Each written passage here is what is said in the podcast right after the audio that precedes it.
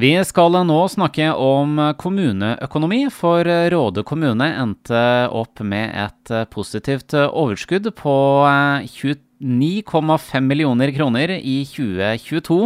Og i slutten av året så kom det inn ekstraordinære inntekter på 33,4 millioner kroner. Og Inger Fjell, du er kommunedirektør i Råde kommune.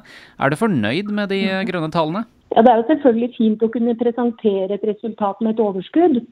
Men så er det jo sånn som du sa at forklaringen på det overskuddet for Råde kommune handler om disse ekstraordinære inntektene som vi har fått. da. Som både handler om skatt, men også om kompensasjon på korona, inntektsutjevning. Det er jo flere ting som gjør som på en måte har gitt kommunen de inntektene. Hvis jeg skal se på organisasjonen, så er det sånn at vi har fortsatt en drift som går med et underskudd. Men, men, det som er bra, er at vi treffer ganske på merket i forhold til det vi har planlagt både for 2023 og 2022 og framover. Så det, det, er jo det som er bra for, for oss som kommune, da. Og uten denne ekstrainntekten på 33,4 millioner kroner, så ville Råde kommune gått i underskudd? Det ville vi. Vi ville gått i underskudd med nesten 4 millioner. Og eh, må da bruke av disposisjonsfondet for å ivareta den økonomien. Men så er det jo sånn at når kommunene legger budsjettet, så legger vi jo for ett år med eh, et årsbudsjett, men vi legger også en handlingsplan for fire år. Og For Råde kommune så har vi lagd en et handlingsprogram hvor vi de første åra må bruke hvor vi går i minus da, om å bruke av disposisjonsfondet. Mens de to siste åra så går vi pluss. Eh, og vi vil sette av ganske bra med penger eh, i løpet av fireårsperioden til disposisjonsfondet. Kommunen får flere og komplekse oppgaver. Eh, er det en utfordring i, i årene som kommer?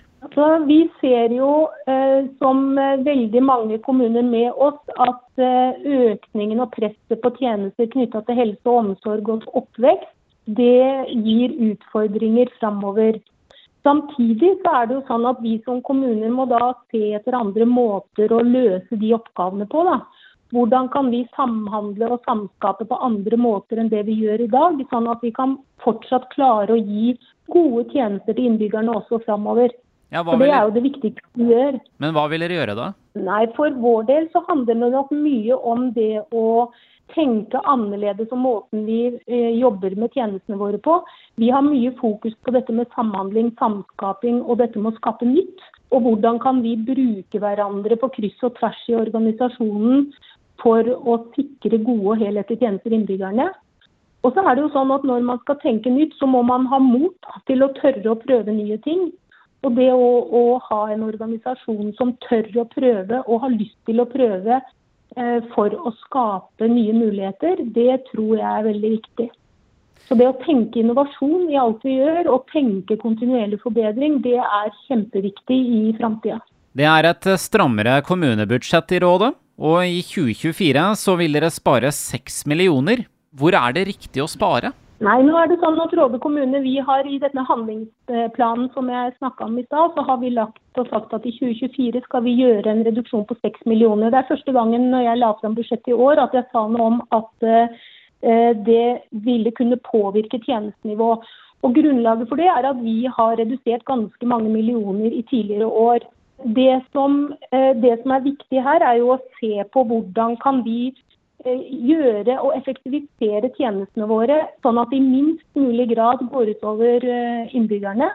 Og så er det klart at Når vi nå får eh, denne ekstraordinære inntekten som vi får nå i år, så gir jo det også noen muligheter som vi må vurdere. Og Vi skal jobbe i 2023 på å se hva er det og hvordan vil vi jobbe for å ivareta den effektiviseringa som trengs for å komme med et budsjett i balanse.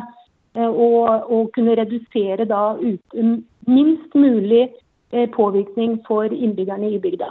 Det kan være snakk om eh, stillinger, eller? At det blir reduksjon i stillinger, f.eks.? Altså, vi, vi, jobber nok ikke sånn at vi tenker at det er stillinger i første runde. Vi er nok mer der at vi ser på andre måter å jobbe på. Kan man bruke teknologi på andre måter? Kan man tenke annerledes om av hvordan vi jobber f.eks. med ting framover. da.